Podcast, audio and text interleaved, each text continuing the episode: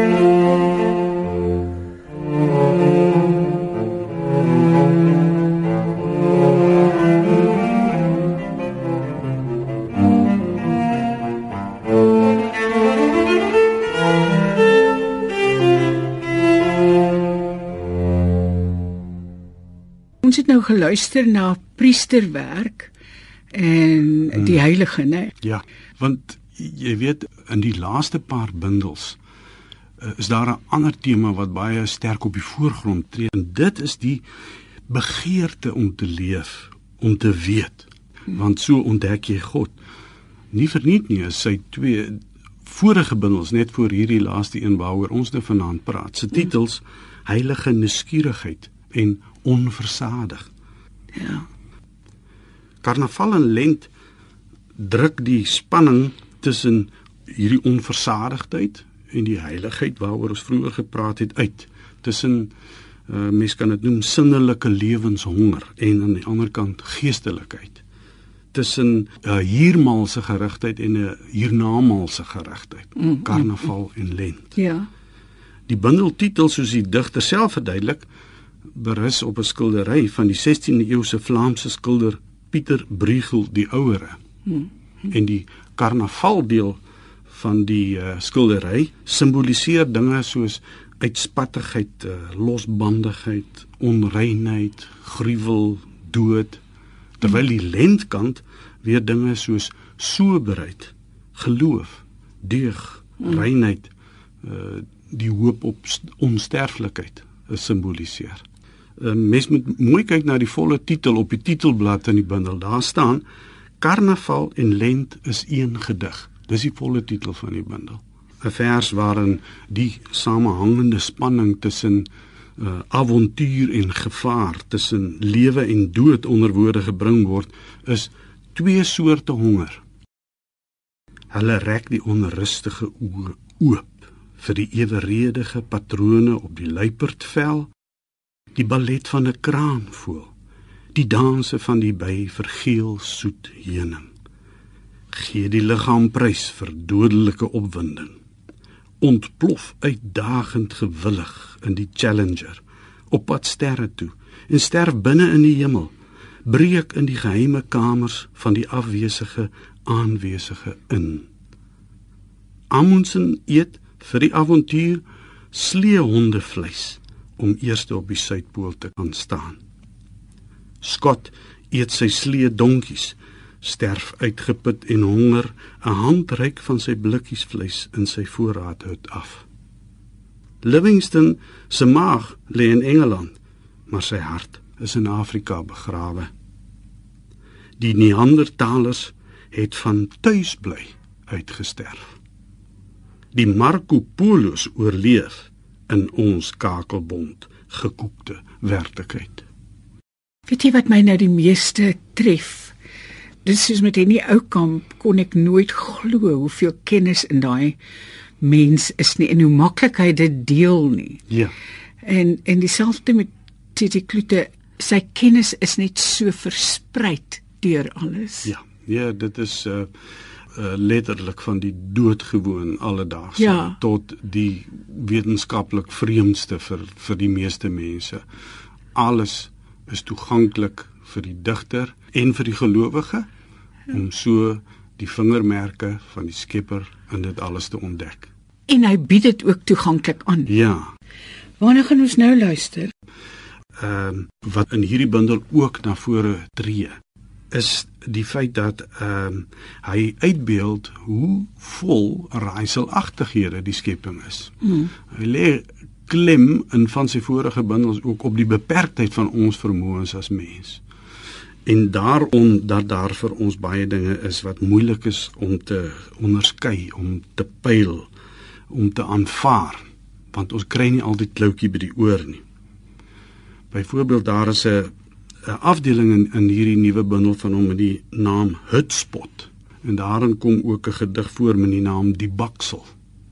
En dit is terme opskrifte wat op die kwellende vermengdheid van die werklikheid dui. Gaan jy vir ons die Baksel lees? die baksel. Mense word in stapels verbrand met kennis van gif wat ons toevertrou is deur die onbegrypbare self. Ek eet die warm bredie wat die tong laat gloei, wat die hart en verstaan brand. Die bredie van die heilige van vuur en water, van wind en suurstof Krakatoas en Sint Andreas foute, orkane met hulle mooi vroue name, die reënboogforel en die driekleur visarend. As oorstromings stede uitwis, dobber die lyke so stompe hout tussen rommel in die opruim nature's pruning machine. 'n vreemde krag breek die aarde soos 'n kleipot die vroeë halfmense wat in die rotsglewe gesterf het fossileer volgens 'n bo menslik beplande chemiese resep om ons hulle verre nakommelinge met vraande leeu oogkasse swygend aan te staar.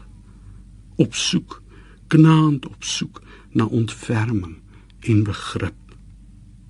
Die posduif en 'n arktiese swaal laat hulle deur dik grys nevels lê sien dwars deur wolke waar sit die son.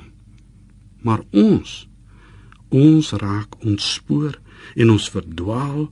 Ons wat royaal voorsien is van harsings ses sintuie en ander superkragte het ek maar liewer 'n kleuter van die bevat gebly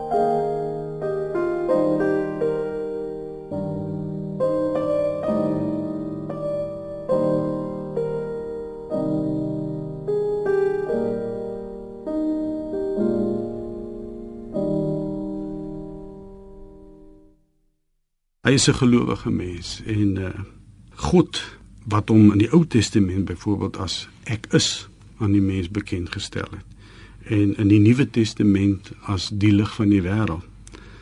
Daardie God is vir ons vermoëns onvatbaar. Dis 'n tema wat dikwels uh, voorkom in sy poësie. En hy het dan in hierdie nuwe bundel van hom ook 'n gedig daaroor geskryf. En die gedig se naam is juis is. Is is vlugtig en 'n verblindende spieelblink deursigtigheid wat net na homself terugwys. Wat met die spoed van lig verby skyn 'n krale string van tyd wat breek en brokkel fotons wat kwiksilwer uitmekaar spat. 'n stralende pyl waarvoor jy as jy dit wil beskou jou blind moet hou. Waarvoor jy as jy dit bedink jou dom en doofstom moet hou. Jou krakende skedel moet vashou. Bernard het nooit in die wetenskappe gestudeer nie in die uh, fisika en die soort dinge nie. Ja, sover ek weet het hy begin met teologiese studies. Mm. Uh, maar dit toe gou-gou verruil vir sy uh, ja, vir dit waarvoor hy eintlik seker primêr in die wieg gelê is, naamlik die literatuur en hy het hom oor 'n paar dekades uh, gevestig eers as 'n baie baie belangrike literator in Afrikaans uh, as 'n kritikus en as 'n literatuurgeskiedskrywer as 'n samesteller van bloemlesings uit die Nederlandse poësie byvoorbeeld vir onderrigdoeleindes. En hy is herhaaldelik bekroon vir daardie werk van hom. En toe in 1980 toe hy vanweë die siekte waarna hy ly is as vanweë polio wat hy gehad het as jong man ehm um, moes hy baie gesondheidsprobleme ervaar en oorwin en hy is toe vroeg afgetree en toe op 56 jarige leeftyd met Angelira verras hy almal met sy eerste digbundel. Uh daar is nou nog nie 'n biografie oor sy lewe geskryf nie, so wag ook eintlik in spanning daarop dat 'n mens hierdie groei kan uh, deur 'n eerstehandse navorser uh, gesien kan ervaar.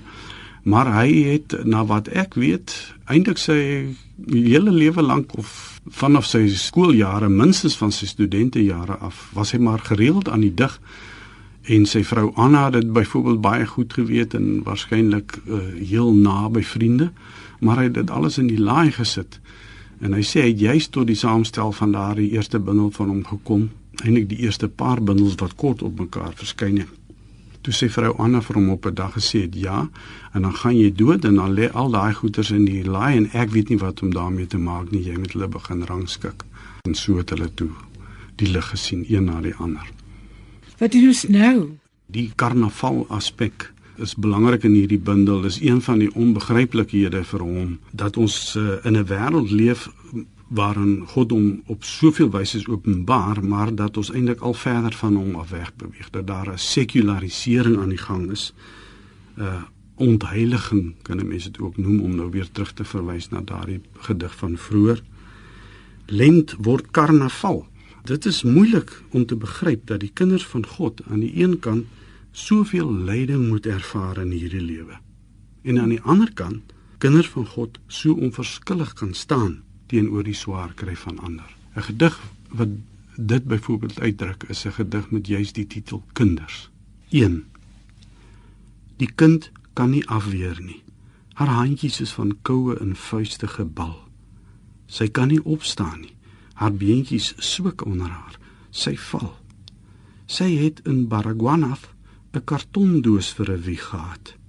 Haar onbekende pa en ma is werkloos Sy woon in 'n makuku teen aan die breë pad waar die reën jou deurweek en vigs jou siek maak as dit oor ou sinkplate, plastiek en karton en oor die parlement en Parktown uitsak. Toe hy weet dit nie. Hy is u kind. Op 'n Sondag skuil hy langs die besige straat teen die snerpende suidewind. Hy sit aan die noorde kant van 'n stuk ou karton agter sy rug in die bevrore hoëveldse winterson. As skerm rondom hom lê sakkies suur narkies te koop, oos en wes gestapel. Mense wat uit die erediens kom, ry verby na hulle knus kombuise en eet vertrekke en gaan na ete soos God op die sewende dag rus.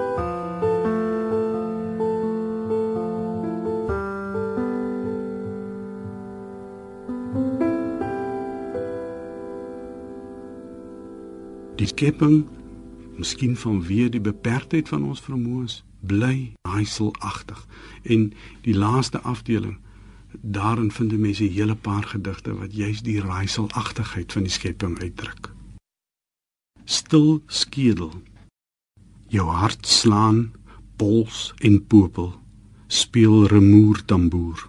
Dui hoorbaar uit en krimp. Dit stuur jou bloed in kilometers kanale wat soos boomwortels ondergronds kartel deur jou hele liggaam versprei. Jou longe ruis soos 'n rivier wat sterk oor rotse loop en hulle rond en glad poleer. Jou ingewande snork en ontplof. Die vark kan jou verleë maak. Intussen werk jou harsings geruisloos in 'n van buite ondeurdringbaar afgeslote koel koepel van volstruiseierdop. Van binne 'n eindelose stil vertakkende blits wat gloeiend wriemel soos bioluminesente fosforwurms in 'n donker grot. En jy gaan vir ons nog 'n gedig. Kostelike gedig. Leeu ja. verleë met skilpad. Die leeu lê verleë met hom. Lek hom proe sy karapaks en plastron, rol hom rond, keer hom om en om, lek, loer, lek. Skilly pis in die leeu se bek wat soek na nate om binne te kom. Ondersoekend en onbegrypend loer die leeu hoe my moer die onverstaanbare patrone voeg ondeurdringbaar heg in so 'n leeue bek pas 'n skilpad sleg Hoe stink sy binnekant in die vermoeide leeu se kwyllinte spoeg. Te diep teruggetrek is sy verdraaide pootjies en kop in so onkreukbare, goedgevoegde dop.